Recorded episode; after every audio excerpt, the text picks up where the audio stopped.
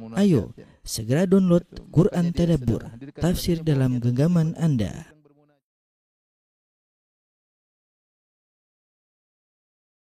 Bismillahirrahmanirrahim. Assalamualaikum warahmatullahi wabarakatuh. Alhamdulillahi ala ihsani wa syukru lahu ala taufiqihi wa amtinani wa asyhadu an la ilaha illallah wahdahu la syarika lahu ta'ziman li sya'ni wa asyhadu anna Muhammadan abduhu wa rasuluhu adda ila ridwani. Allahumma salli alaihi wa ala alihi wa ashabihi wa ikhwani. Para ikhwan, para akhwat, para jamaah Masjid Tarbiyah Cilandak yang dirahmati oleh Allah Subhanahu wa taala. Pada kesempatan ini kita akan melanjutkan bahasan kita peristiwa-peristiwa yang terjadi eh, sebelum terjadinya perang Khandaq. Setelah terjadi perang Uhud di mana kaum muslimin mengalami uh, banyak musibah di mana banyak dari para sahabat yang meninggal dunia. Kemudian Nabi sallallahu alaihi wasallam juga terluka ya, sekitar 70 orang sahabat mati syahid. Maka ini memberikan dampak buruk uh, bagi kondisi kaum muslimin. Mulailah musuh-musuh uh, kaum muslimin yang tadinya takut sekarang mulai hilang kegentaran mereka terhadap kaum muslimin. Mulailah mereka menampakkan permusuhan mereka seperti orang-orang Yahudi, seperti orang munafik, ya, uh, yang tadinya mereka menyembunyikan permusuhan mereka, maka mereka mulai menampakkan permusuhan mereka karena mereka menganggap kaum muslimin lemah, ya, kalah dalam perang Uhud. Uh, belum lagi dua bulan, baru dua bulan setelah perang Uhud, ya, maka kabilah-kabilah musyrikin yang ada di sekitar kota Madinah mulai siap untuk menyerang kota Madinah ya dimulai dari kabilah Bani Asad ingin menyerang kota Madinah yang uh, kemudian juga Khalid bin Sufyan Al-Hudhali juga punya tujuan sama mengumpulkan orang-orang untuk menyerang kota Madinah. Kemudian setelah itu kabilah-kabilah lain seperti kabilah Adl, Qarah mereka juga menyebabkan uh, meninggalnya sebagian sahabat. Kemudian juga perbuatan keji dari Amir bin Tufail ya yang kemudian uh, menyebabkan 70 orang sahabat meninggal dari para al-qurra ahli baca Quran dan uh, kemudian juga kabilah Yahudi Banu Nadir yang akhirnya membatalkan perjanjian damai ya. Ini kejadian-kejadian yang berturut-turut yang terjadi sebelum terjadi uh, perang Khandaq ya. Kejadian yang pertama, peristiwa yang pertama adalah Sariyah Abu Salamah ya. Sariyah uh, adalah pasukan perang kecil yang dikirim oleh Nabi SAW untuk mengadakan penyerangan-penyerangan, tetapi Nabi tidak ikut serta dalam pasukan perang tersebut. Uh, di antaranya Rasulullah SAW mengirim pasukan uh, Sariyah yang dipimpin oleh Abu Salamah, suaminya Ummu Salamah, kepada Bani Asad. Kenapa sebabnya Nabi mengirim pasukan kepada Bani Asad? Karena ada dua orang namanya Tulaihah dan Salamah, kedua putra dari Khuwailid. Mereka berdua Tulaiha dan Salahma ini memprovokasi kaumnya dari Bani Asad ya untuk menyerang Rasulullah sallallahu alaihi wasallam. Mereka melihat ini kesempatan emas. Ya, karena kota Madinah sudah pernah diserang oleh orang Quraisy, kesempatan kabilah-kabilah selain Quraisy, ini kabilah-kabilah selain Quraisy ingin menyerang uh, kota Madinah karena Madinah dalam kondisi lemah. Ternyata rencana mereka ini uh, didengar oleh Rasulullah sallallahu alaihi wasallam. Maka Rasulullah SAW memanggil Abu Salamah radhiyallahu taala anhu yang namanya Abdullah bin Abdul Asad Al-Makhzumi uh, uh, untuk memimpin pasukan menyerang mereka sebelum mereka menyerang. Yang kita tahu bahwasanya Abu Salamah dalam perang Uhud beliau terluka, terluka di abudihi yaitu di lengan atas beliau yang akhirnya membuat beliau harus berobat selama sebulan. Ya, alhamdulillah setelah itu saya ini dua bulan setelah perang Uhud jadi kondisi lukanya sudah membaik ya. Akhirnya Rasulullah SAW mengirim pasukan dipimpin oleh Abu Salamah. Kata Nabi SAW, Ukhruj fi hadhi sariyah. Wa qad ista'maltuka alaiha. Wahai Abu Salamah, pimpinlah pasukan perang ini. Pasukan kecil ini, aku telah menjadikan kau sebagai amir atau pemimpin pasukan tersebut. Lalu Nabi membuat dia memegang bendera. Kemudian Nabi mengirim bersama beliau 150 pasukan dari kaum muhajirin kaum ansar. Kata Nabi SAW, Sir hatta tarid hatta tarida arda bani Asad fa'agir alaihim qabla an talaqa alaika jumu'uhum. Ya. Kata Nabi SAW, berjalanlah engkau sampai kau tiba di uh, kampung Bani Asad. Kemudian serang mereka tiba-tiba sebelum mereka kumpulan mereka menyerangmu. Ya. Jadi sebelum mereka berkumpul, ya serang mereka terlebih dahulu. Ya. Karena mereka sudah berniat untuk menyerang kota Madinah. Kemudian Nabi SAW mewasiatkan kepada Abu Salam untuk bertakwa kepada Allah, demikian juga pasukannya. Maka berangkatlah Abu Salam radhiyallahu anhu dengan pasukannya, yaitu di awal dari bulan Muharram tahun keempat Hijriyah ya. Kita ingat bahwasanya uh, perang Uhud di bulan Syawal tahun 3 Hijriyah ya. Ya. Syawal, Zulqa'dah, Zulhijjah, sekarang Muharram. Jadi baru dua bulan lewat sudah terjadi peperangan musuh-musuh mulai bersikap ingin menyerang kota Madinah. Maka berangkatlah di awal Muharram tahun 4 Hijriah berangkatlah Abu Salamah bersama 150 pasukan sampailah mereka di mata air mereka atau sumber air mereka di sebuah gunung yang namanya Koton, Koton. Maka di situ ada ternak-ternak mereka, maka akhirnya kaum muslimin para sahabat kemudian menyerang uh, para penggembala ternak-ternak mereka. Ada tiga orang budak, ya akhirnya uh, di apa namanya ditangkaplah tiga orang budak tersebut. Sisa penggembala yang lain kemudian kabur. Mereka kabur, kemudian mereka pergi ke perkumpulan mereka dan mereka kabarkan bahwasanya kaum muslimin sudah datang menyerang terlebih dahulu. Mereka baru siap-siap sudah diserang oleh kaum muslimin. Akhirnya mereka pun terpencar-pencar, ya. Sebagian dari mereka. Padahal mereka ingin berkumpul menyerang kaum muslimin, tapi karena uh, tiba-tiba datang serangan, mereka belum siap, akhirnya mereka terpencar. Sebagian lari ke sana, sebagian lari ke sini. Akhirnya Abu Salamah dan para sahabat menuju ke kampung mereka, langsung ke kampung inti mereka. Abu Salamah mendapati pasukan kaum musyrikin sudah terpencar ter, terpencar dan cerai-berai. Akhirnya beliau pun membuat markas di situ Kemudian beliau bagi para pasukan menjadi tiga uh, kelompok. Ya, satu kelompok tetap bertahan di kampung ya, Bani Asad bersama Abu Salamah, kampung musuh, menjaga Abu Salamah dan siap di situ. Kemudian ada pun dua pasukan yang lain dibagi dari dua sisi yang berlawanan untuk mengejar mereka.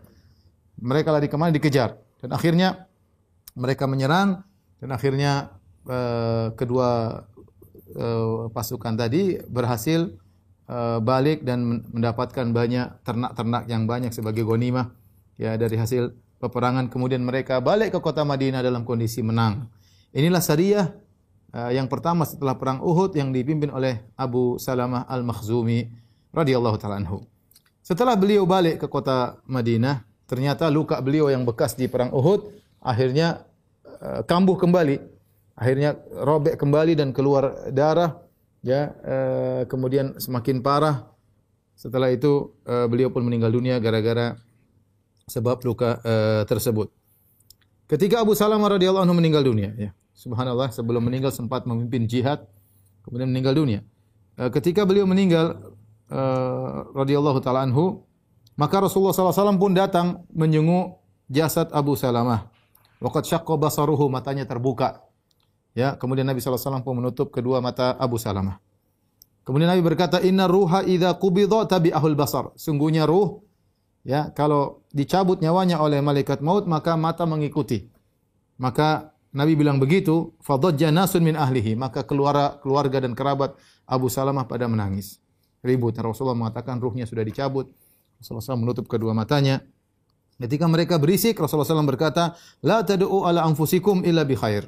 Janganlah kalian mendoakan untuk diri kalian kecuali kebaikan. Kenapa? Fa innal malaikata yu'minuna ala ma taqulun. Karena malaikat mengaminkan apa yang kalian ucapkan. Itu jangan sampai kalian terlalu sedih sehingga berdoa dengan doa-doa yang buruk.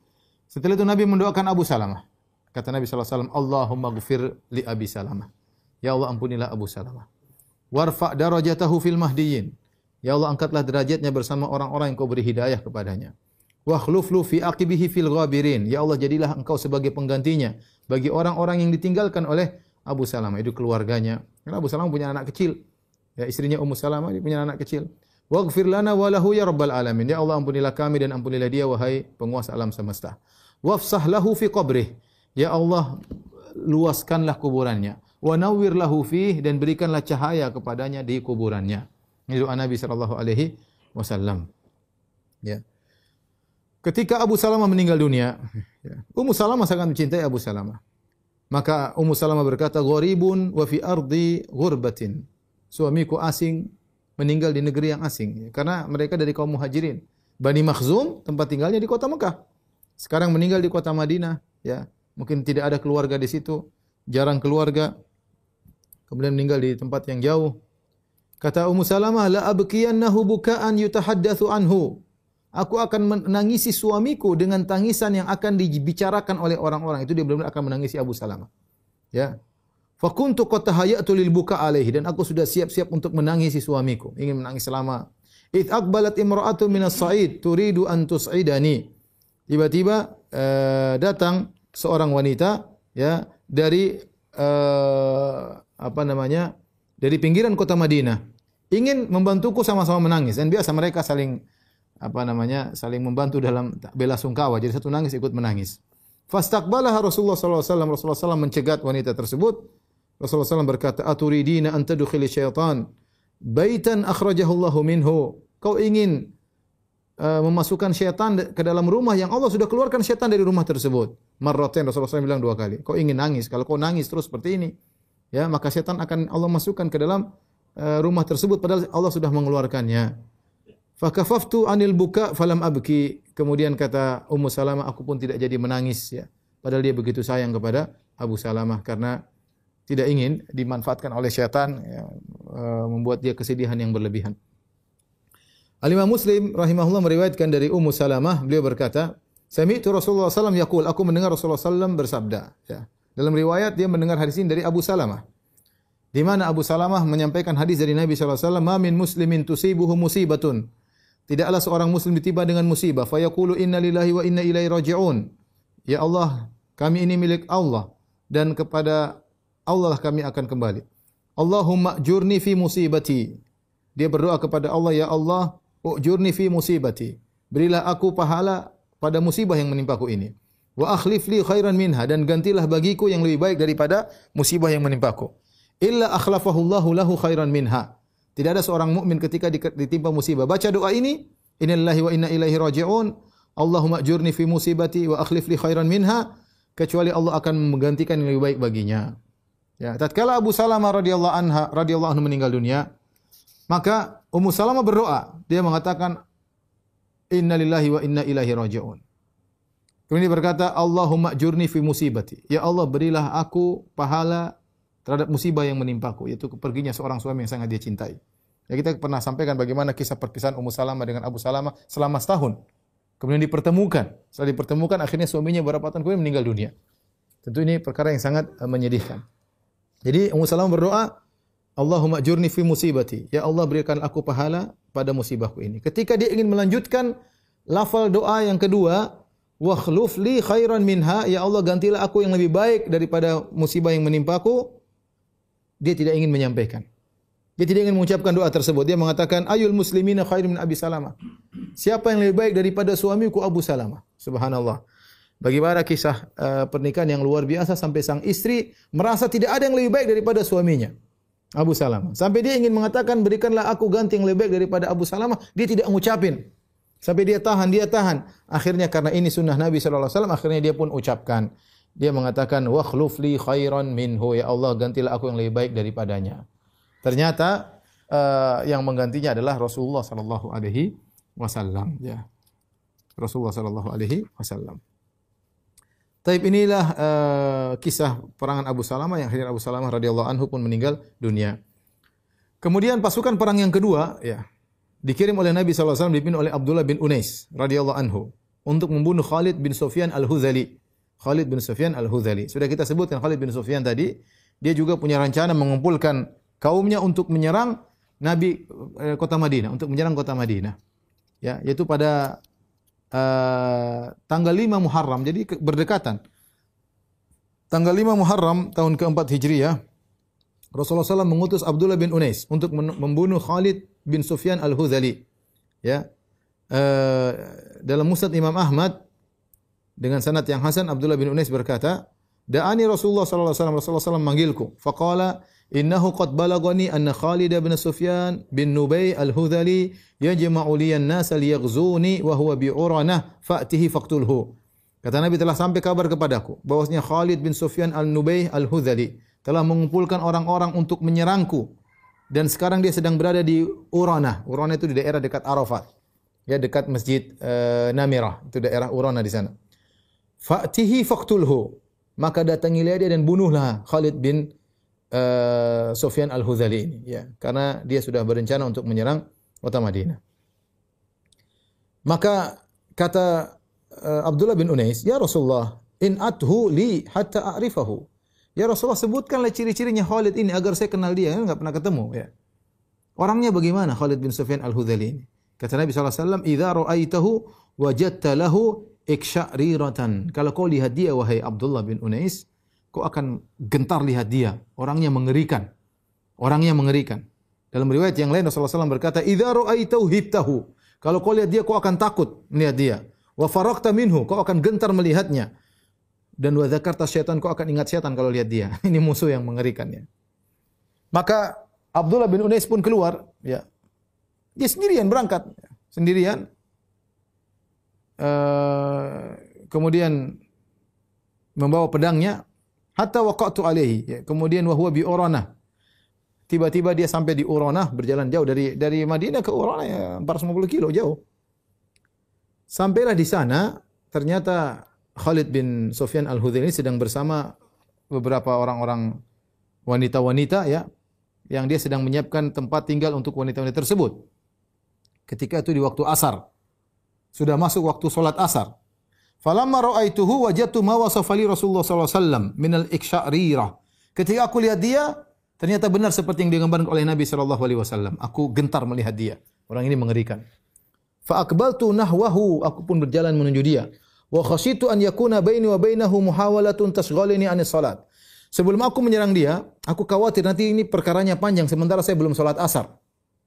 Akhirnya fasallaitu wa ana amshi nahwahu. Saya pun belum sambil berjalan menuju saya salat asar. Bagaimana caranya? Umi ubi ra'sihi ruku' wa sujud. Aku sambil mengisyaratkan dengan kepalaku ruku' dan sujud. Kenapa? Subhanallah bagaimana sahabat ini mikir salat. Dia khawatir kalau sudah bertempur lawan orang ini nanti permasalahan panjang sehingga salat asar bisa lewat. Supaya dia tidak supaya dia sudah selesai, ya dia salat asar dulu, tapi sudah terlanjur lihat orang itu, bagaimana caranya? Akhirnya dia salat asar sambil berjalan. Kata dia, fa aqbaltu uh, fa sallaitu ana amshi nahwahu. Aku salat sambil berjalan menuju dia. Umi ubi ra'si ruku was sujud. Aku hanya ruku dan sujud dengan isyarat. Sambil berjalan dengan menundukkan kepala sedikit. Kemudian berjalan menuju kepada dia.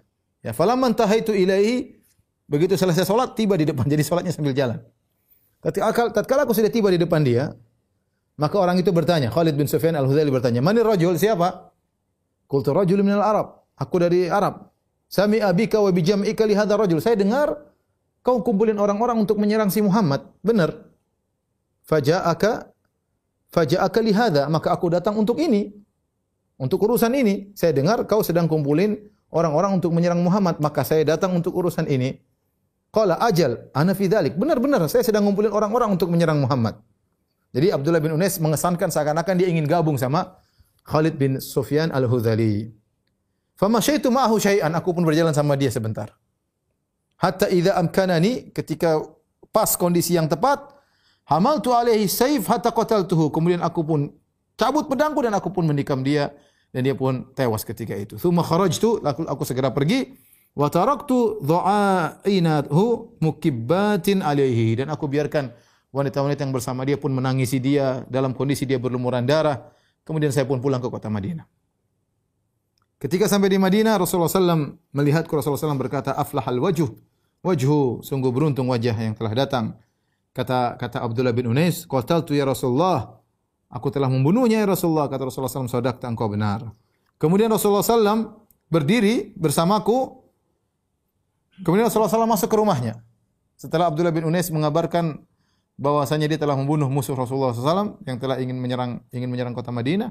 Rasulullah SAW berdiri, Rasulullah SAW masuk ke rumahnya. Kemudian Rasulullah mengambil tongkat. Kemudian Rasulullah SAW kasih dia tongkat, kasih Abdullah bin Unais tongkat. Kata Rasulullah SAW, amsik hadhihi indaka ya Abdullah bin Unais. Ini tongkat bawa Abdullah bin Unais, bawa, pegang, simpan. Faqala Abdullah bin Unais bingung juga. Fa kharajtu biha 'ala nas. Aku pun keluar bawa tongkat tersebut. Orang-orang lihat, ma hadhil asa? Ini kau bawa tongkat apa ya Abdullah bin Unais? Qultu a'taniha Rasulullah sallallahu alaihi wasallam wa amarini an umsikaha. Ini tongkat yang kasih Nabi sallallahu alaihi wasallam. Nabi suruh saya jaga tongkat ini. Qalu awala tarji'u ila Rasulillah fatas'alahu an dzalik. Kenapa kau tidak balik kepada Nabi tanya, "Kenapa ya Rasulullah kau kasih saya tongkat ini? Apa gerangan? Ada apa gerangan?" Qala faraja'tu ila Rasulullah. Kata Abdullah bin Unais, saya pun balik ketemu Nabi wasallam. Aku berkata, "Ya Rasulullah, Kenapa kau kasih tongkat ini kepadaku? Kata Rasulullah SAW, ayatun baini wa bainaka yaumal qiyamah. Ini tongkat sebagai tanda antara aku dengan kamu pada hari kiamat kelak. Ya. Pada hari kiamat kelak. Ya. Ya, maka uh, Abdullah bin Unais membawa tongkatnya, dia gandengan dengan pedangnya. Tongkat tersebut selalu bersama dia sampai ketika dia meninggal dunia, ya. Maka uh, dia tongkat tersebut, ya karena ini pesan Nabi sallallahu alaihi maka tongkat tersebut dimasukkan ke dalam kain kafannya, kemudian dia dan tongkatnya dikuburkan bersamaan. Inilah kisah Abdullah bin Unais uh, radhiyallahu taala anhu, ya. Tapi kisah berikutnya, eh, tadi sudah Abu Salamah, Abdullah bin Unais, sekarang kisah berikutnya Sariyah Ar-Raji', namanya Sariyah Ar-Raji'. Sariyah adalah tadi pasukan kecil. Sariyah ini eh, dikirim oleh Nabi sallallahu alaihi wasallam di bulan Safar, di bulan Safar eh, tahun keempat Hijriah ya. Uh, Al-Imam Al-Bukhari meriwayatkan dari dalam sahihnya dari Abu Hurairah kata Abu Hurairah Rasulullah SAW mengirim 10 pasukan, 10 orang ya pasukan sebagai mata-mata. Jadi tidak banyak, cuma 10 orang. Kalau tadi 150 sebelumnya ketika bersama Abu Salamah ini cuma 10 orang sebagai mata-mata. Wa amara alaihim Asim bin Thabit al-Ansari. Dan uh, Nabi menjadikan pemimpin dari 10 orang tersebut adalah amirnya siapa? Asim bin Thabit al-Ansari radhiyallahu taala anhu. Akhirnya mereka pun berangkat untuk jadi mata-mata. Mata-mata maksudnya ngecek-ngecek kondisi. Rasulullah pasang strategi kalau Allah tidak kasih ilmu gaib, apa yang terjadi di sana, apa yang terjadi di sini, maka Rasulullah SAW menjalankan sebab, ikhtiar. Maka Rasulullah SAW kirim 10 orang sebagai mata-mata. Tatkala mereka tiba di Al-Hada'ah, ya, uh,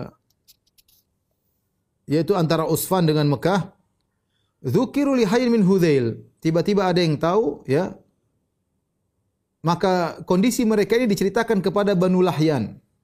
Banu Lahyan salah satu kabilah kecil maka mereka kaum musyrikin. Fanafaru lahum qariban min mi'ati rajulin kulluhum ramin. Maka mereka ingin membunuh 10 orang pasukan nabi ini tersebut.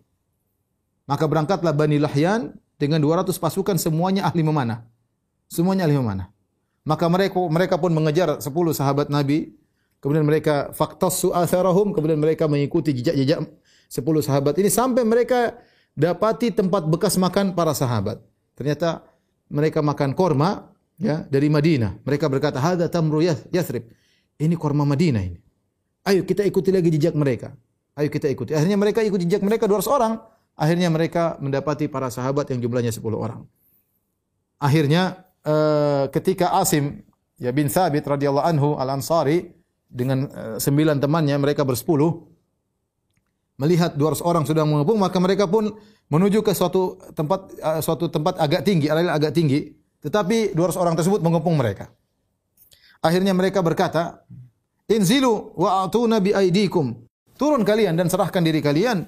Walakumul ahdu wal mitha. Kami akan beri perjanjian kalian la naqtulu minkum ahadan. Kami tidak akan membunuh seorang pun dari kalian.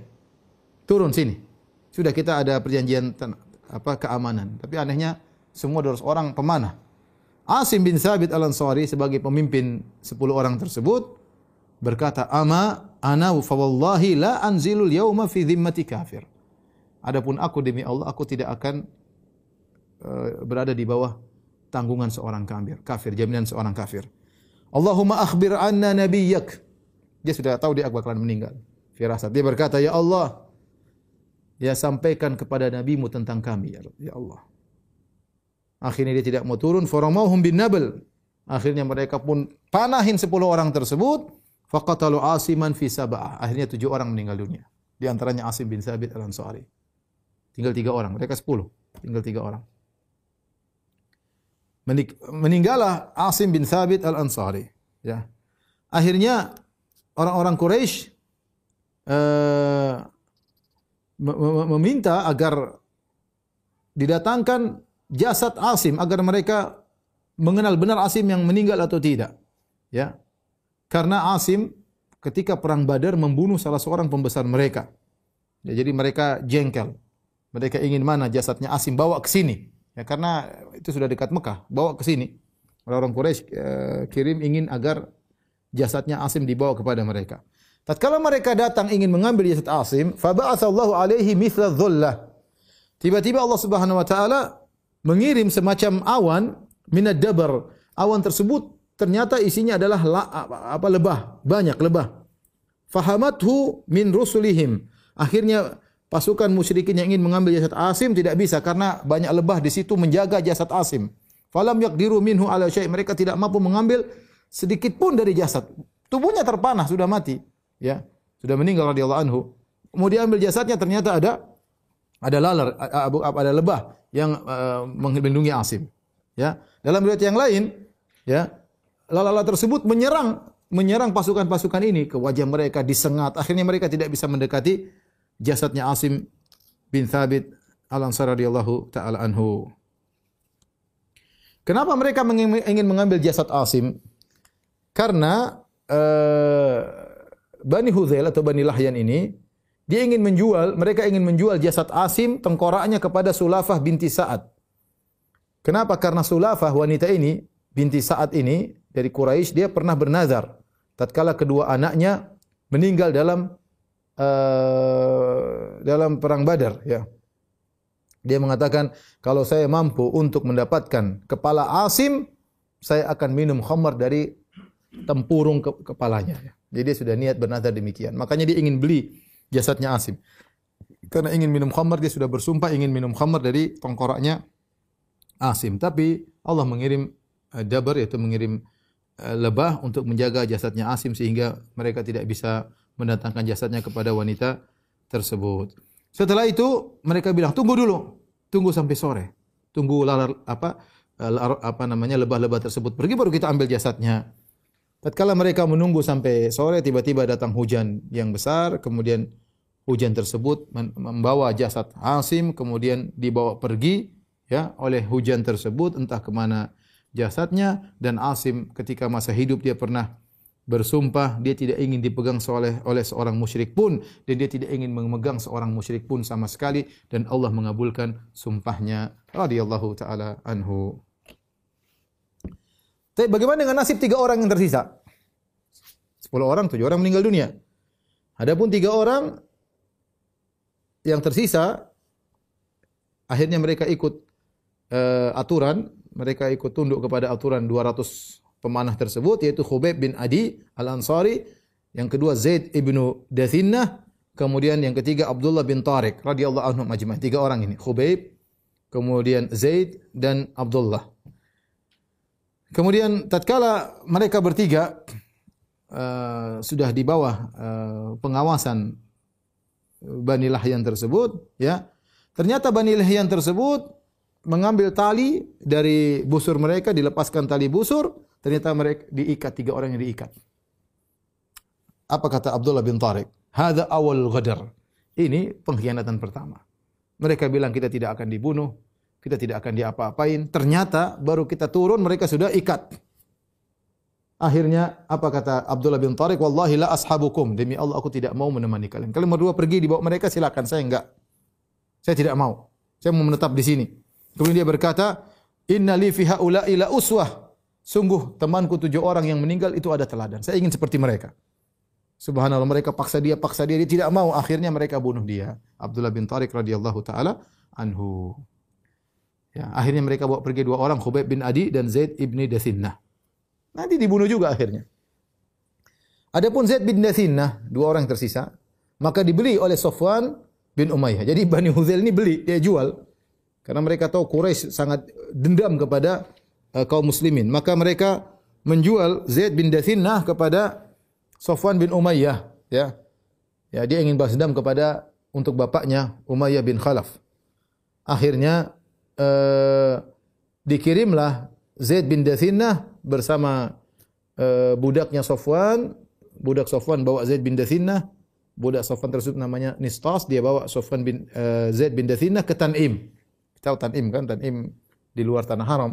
Karena mereka meskipun mereka orang-orang musyrikin Arab, mereka meyakini tidak boleh membunuh orang di tanah haram. Jadi harus keluar dari tanah haram. Dan kita tahu tanah halal terdekat adalah Tanim, kira-kira 7 kilo dari eh, dari Ka'bah. Akhirnya mereka keluarkan Zaid bin Dathinna dari tanah haram di Tanim untuk dibunuh. Berkumpullah orang-orang Quraisy. Di antaranya ada Abu Sufyan bin Harb, ya.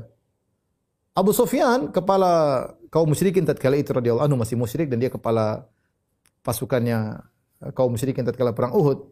Maka dia berbicara sama Zaid bin Dathinnah. Dia berkata, "Anshuduka Allah ya Zaid, atuhibbu anna Muhammadan indana al-ana fi makanika nadribu unuqahu wa annaka fi ahlik?" Abu Sufyan bertanya, Wahai Zaid, saya bertanya dengan nama Allah, ya. Apakah kau suka Muhammad menggantikan posisimu? Biarlah Muhammad di posisimu, kita penggal kepalanya dan kau pulang ke rumahmu selamat dengan keluargamu. Mau enggak begitu? Apa kata Zaid bin Dathina? Wallahi ma uhibbu anna Muhammadan al-ana fi makanihi huwa fihi tusibu syaukatun tu'dhihi wa anni jalisun fi ahli. Demi Allah kata Zaid bin Dathina, Aku tidak suka Muhammad sekarang Rasulullah SAW di tempatnya sekarang tertusuk duri sedikit pun aku tidak mau. Sementara aku santai di rumahku. Tidak, aku tidak mau. Lebih baik aku mati daripada Muhammad tertusuk duri. Lebih baik aku mati daripada Muhammad tertusuk duri. Kata Zaid bin Dathina. Abu Sufyan ketika mendengar pernyataan Zaid bin Dathina dia berkata, "Ma ra'aitu minan nasi ahadun yuhibbu ahadan kahubbi ashabi Muhammadin Muhammadan." Aku tidak pernah melihat orang-orang yang mencintai sahabatnya sebagaimana sahabat Muhammad cinta kepada Muhammad sallallahu alaihi wasallam kemudian Zaid bin Dathinnah pun terbunuh. Tinggal satu orang, Khubayb bin Adi radhiyallahu taala anhu. Adapun Khubayb bin Adi maka dibeli oleh Banul Harith bin Amir bin Naufal. Kenapa anak-anaknya Harith yang membelinya? Kenapa? Karena Harith ketika perang Badar dibunuh oleh Khubayb. Khubayb yang bunuh bapak mereka. Ya. Akhirnya mereka jengkel ingin balas dendam, dibelilah Khubayb oleh anak-anaknya Al Harith. Salah seorang dari anak-anak Harith itu putrinya bercerita, "Falamma ajma'u ala qatlihi ista'ara minni Musa yastahiddu biha fa'arat fa'arathu." Tatkala uh, Khubayb bin Adi ingin dibunuh, jadwalnya ingin dibunuh di depan umum, maka Khubayb bin Adi ini minta kepada minta pinjam pisau untuk bercukur untuk bercukur. Dia siap-siap bercukur, mungkin ingin bertemu Allah dalam kondisi bersih. Maka dipinjamkanlah pisau tersebut untuk bercukur. Uh, kata wanita ini, fagofultu ansobiyin li, aku aku lalai tiba-tiba anak aku masih kecil. Fadaraja ilai hatta atahu. Ternyata anak aku pergi menuju ke Khubayb. Anaknya masih kecil tahu-tahu Khubayb. Fawadha'ahu ala fakhidhihi. Khubayb akhirnya meletakkan anak tersebut di pahanya ya. Sementara dia pegang pisau. Sementara dia pegang pisau. Wah, ini kondisi menakutkan nih ya. Anaknya dia tentu dia dibelenggu tapi anak tersebut datang dan dia pegang pisau anak tersebut sedang berada di pahanya. Falamma itu kata sang wanita ini tatkala aku melihat kondisi anakku seperti itu aku pun takut. Dan Khubayb tahu aku ketakutan sementara di tangannya pisau maka dia berkata atakhshaina an aqtulahu wahai si fulana kau khawatir aku membunuhnya Ma kuntu li af'ala dzalika insyaallah taala. Aku tidak akan melakukannya insyaallah taala. Kemudian apa kata wanita ini? Dia cerita waktu dia masih musyrik, "Ma ra'aitu asiran qad khairan min Khubayb." Aku tidak melihat seorang tawanan pun yang lebih baik daripada Khubayb. Artinya akhlaknya baik, tenang. Laqad ra'aituhu ya'kulu min qitfi inabin. Ini wali-wali Allah, sahabat. Aku melihat dia sedang dalam tawanan, dia memakan uh, apa namanya? setangkai uh, anggur dia makan. Wa ma bi Makkah yauma idzin thamara. Padahal hari itu ketika itu tidak ada satu butir buah pun yang ada di kota Makkah. Ternyata dia makan uh, sekumpulan anggur. Wa innahu lamuthaqun fil hadid sementara dia diikat dengan besi. Wa ma kana wa ma kana illa rizqan razaqahu Allah iya. Ini semua tidak lain kecuali rezeki yang Allah berikan kepadanya. Ini antara karamah para wali-wali Allah Subhanahu wa taala. Akhirnya tiba jadwalnya mereka pun bawa dia keluar uh, dari tanah haram dibawa ke Tanim, ya, tanah halal terdekat. Kemudian orang-orang semua nonton. Anak-anak, orang tua, budak-budak, wanita-wanita, penduduk Mekah semua nonton. Mereka ini saatnya balas dendam. Ini orang yang pernah menyerang kita dalam perang Badar. Ya. Mereka nonton semuanya. Tidak seorang pun yang tertinggal untuk menonton bagaimana dibunuhnya uh, Khubayb bin Adi.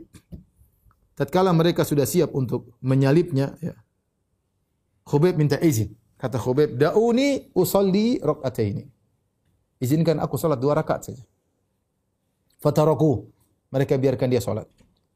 Faraka raka'ataini atahumma wa ahsanahumma min ghairi an yutawwila fihima. Beliau salat dua rakaat dengan tenang tapi tidak panjang-panjang. Setelah itu dia balik, setelah salat dia balik menghadap mereka dia berkata, "Ama wallahi laula an tadhunnu anni innama tawwaltu jaza'an minal maut lazittu." Ya. Kalau tidak kalian tuduh aku penakut, aku akan sholat lama-lama. tapi aku tidak mau dikatakan aku takut kepada kalian. Jadi aku salat pun secukupnya. Ya. Dan inilah sunnah yang dikerjakan oleh Khubayb dan diikuti oleh orang-orang setelah itu siapa yang ditangkap uh, ingin dibunuh maka mereka minta izin salat dua rakaat sebelum bertemu dengan Allah Subhanahu wa taala. Kemudian dia berdoa, Allahumma ahsihim adada. Ya Allah, ya binasakanlah mereka. Waqtulhum badada. Ya bunuhlah mereka. Wala tughadir minhum ahada. Dan jangan biarkan seorang pun lolos dari mereka. Kemudian Khubayb sebelum dibunuh dia pun membuat syair dia berkata, Falastu ubali hina uktalu musliman. Aku tidak peduli, yang penting aku dibunuh dalam kondisi Islam. Ala ayyi jambin kana fillahi masra'i. Aku tidak peduli di mana aku akan jatuh, ya. Meninggalku yang penting di jalan Allah Subhanahu wa taala. Wa dzalika fi dzatil ilahi wa in yasha.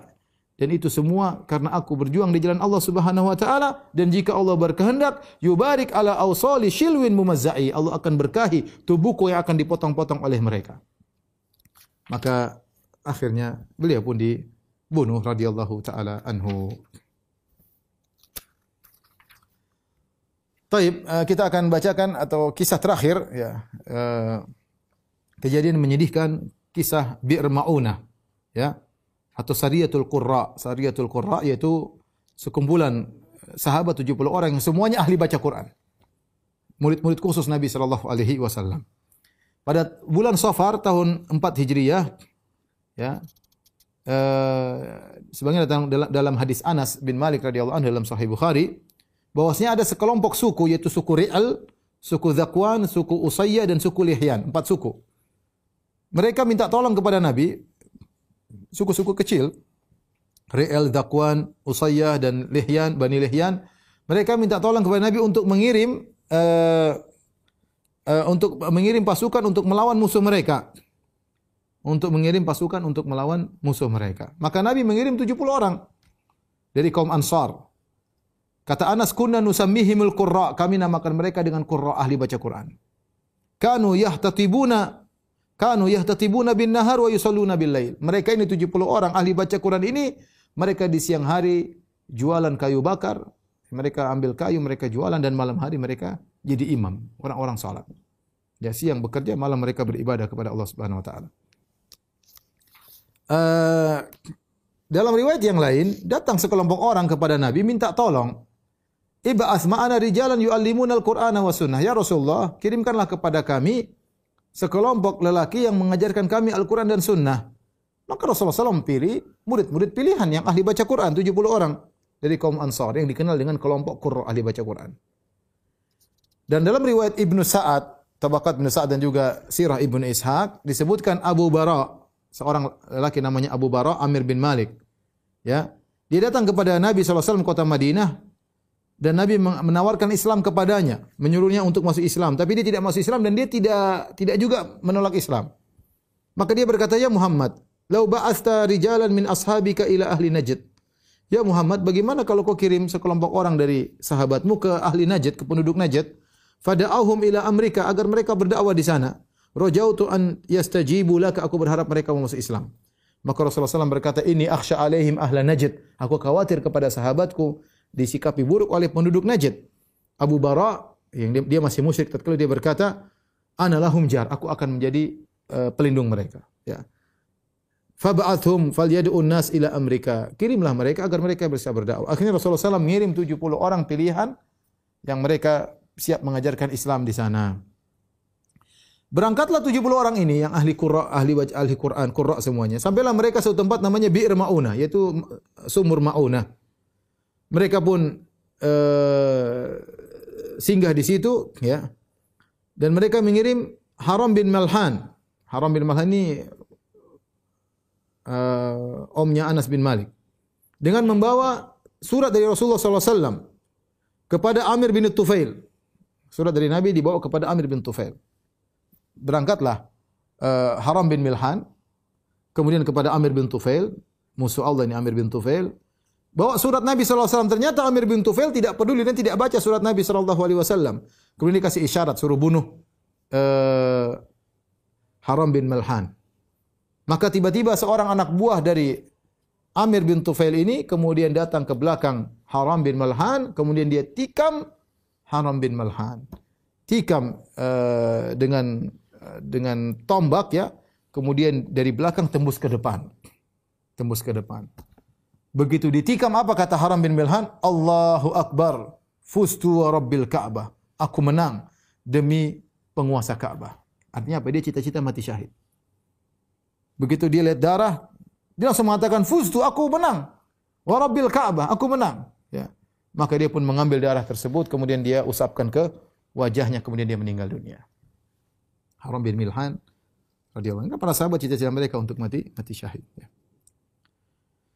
Kemudian Amir bin Tufail, ya, eh, dia pun memanggil Bani Amir, ya, untuk menyerang 70 orang sisanya. Ya.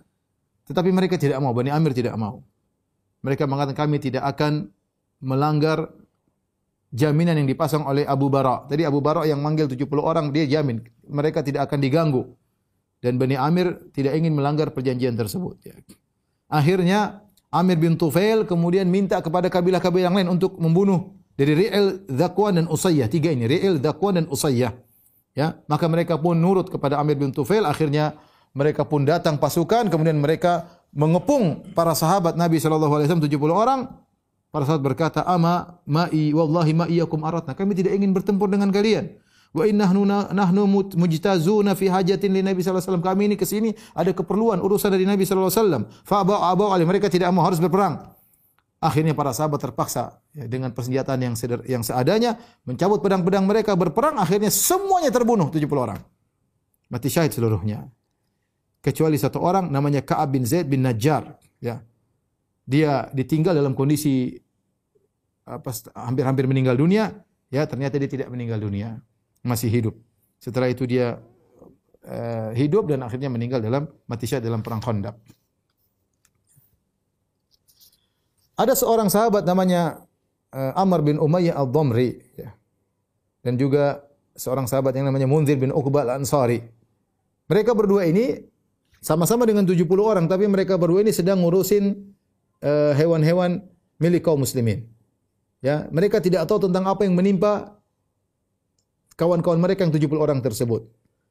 Tiba-tiba mereka lihat seekor burung atau sekumpulan burung yang berputar-putar di suatu daerah.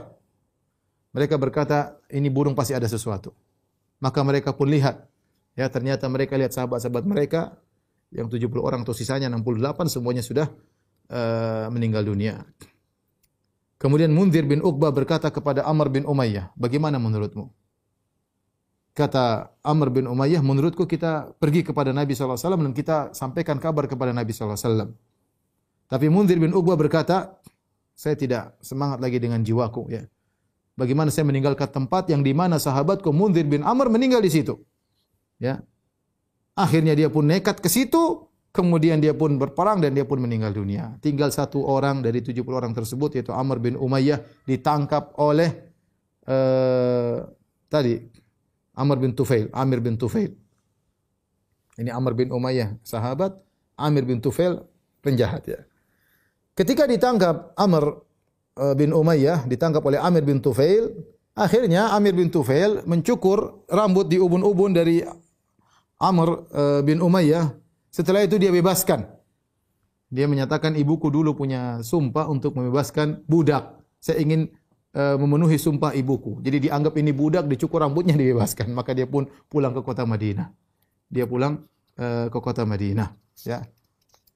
Ternyata di antara yang meninggal dari 70 orang itu ada seorang namanya Amir bin Fuhairah. Tahukah kita siapa Amir bin Fuhairah? Amir bin Fuhairah adalah maula Abu Bakar. Amir bin Fuhairah radhiyallahu anhu, dialah seorang budak yang masuk Islam kemudian dibebaskan oleh Abu Bakar radhiyallahu anhu. Dialah yang ketika Nabi siap-siap berhijrah, dia membantu proses terjadinya hijrah Nabi sallallahu alaihi wasallam. Dialah yang menghilangkan jejak-jejak kaki Nabi dan Abu Bakar ketika mereka ber, ber, berjalan menuju uh, ke Jabal Saur, ke Goa Saur. Yang menghilangkan itu semua adalah Amir bin Fuhairah. Kemudian dia yang menemani perjalanan Nabi SAW dan Abu Bakar sampai ke kota Madinah. Jadi hijrah itu ada empat orang. Nabi dan Abu Bakar ditemani oleh Amir bin Fuhairah dan ditemani oleh Abdullah bin Uraikid kafir penunjuk jalan. Mereka berempat di antaranya Amir bin Fuhairah. Ternyata di antara 70 orang tersebut Amir bin Fuhairah uh, meninggal di peristiwa Bi'ir Ma'unah. Uh, Amir bin Tufail bertanya kepada Amr bin Umayyah. Siapa itu? fa asyara ila qatil. Kata Amr bin Umayyah sebelum dia dilepas, "Hada ini adalah Amir bin Fuhairah." Atau kata Amir bin Tufail, "Laqad ra'aitu ba'da ma qutil rufi'a ila sama' hatta inni la anzuru ila sama' bainahu wa bainal ardi thumma wudi'a."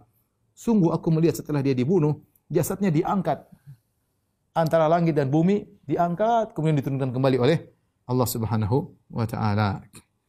Dialah Amir bin Fuhairah uh, radhiyallahu taala anhu. Akhirnya kabar tentang peristiwa Bi'r Mauna sampai kepada Nabi sallallahu alaihi wasallam dan dan kabar-kabar sahabat yang meninggal dunia ya.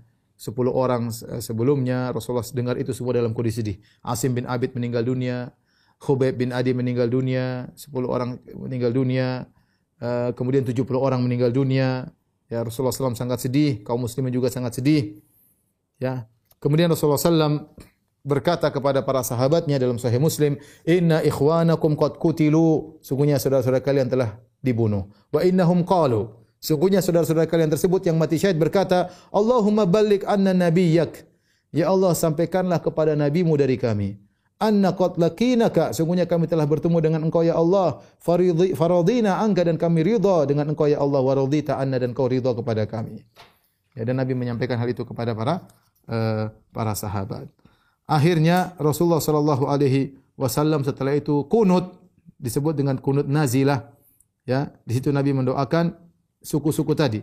Zakwan, Ri'il, Zakwan, Lihyan dan Usayyah. Empat suku yang berkhianat kepada para sahabat Rasulullah SAW kunut di rakaat terakhir setelah uh, ruku. Jadi sami Allah liman hamidah dalam kondisi i'tidal baru kemudian Nabi uh, kunut nazilah mendoakan keburukan bagi mereka dalam solat zuhur, dalam solat asar, dalam solat maghrib, dalam solat isya, dalam solat subuh. Lima waktu seluruhnya Nabi doa kunut agar Allah mencelakakan uh, suku-suku tersebut. Sampai di sini saja. Uh, ikhwani fillah, zani Allah wa iyakum. InsyaAllah uh, kita lanjutkan pada pekan depan. Uh, biiznillahi uh, ta'ala. Wallahu ta'ala alam bisawab. Demikian saja uh, kurang lebih saya mohon maaf. Wabillahi taufiq wal hidayah. Assalamualaikum warahmatullahi wabarakatuh.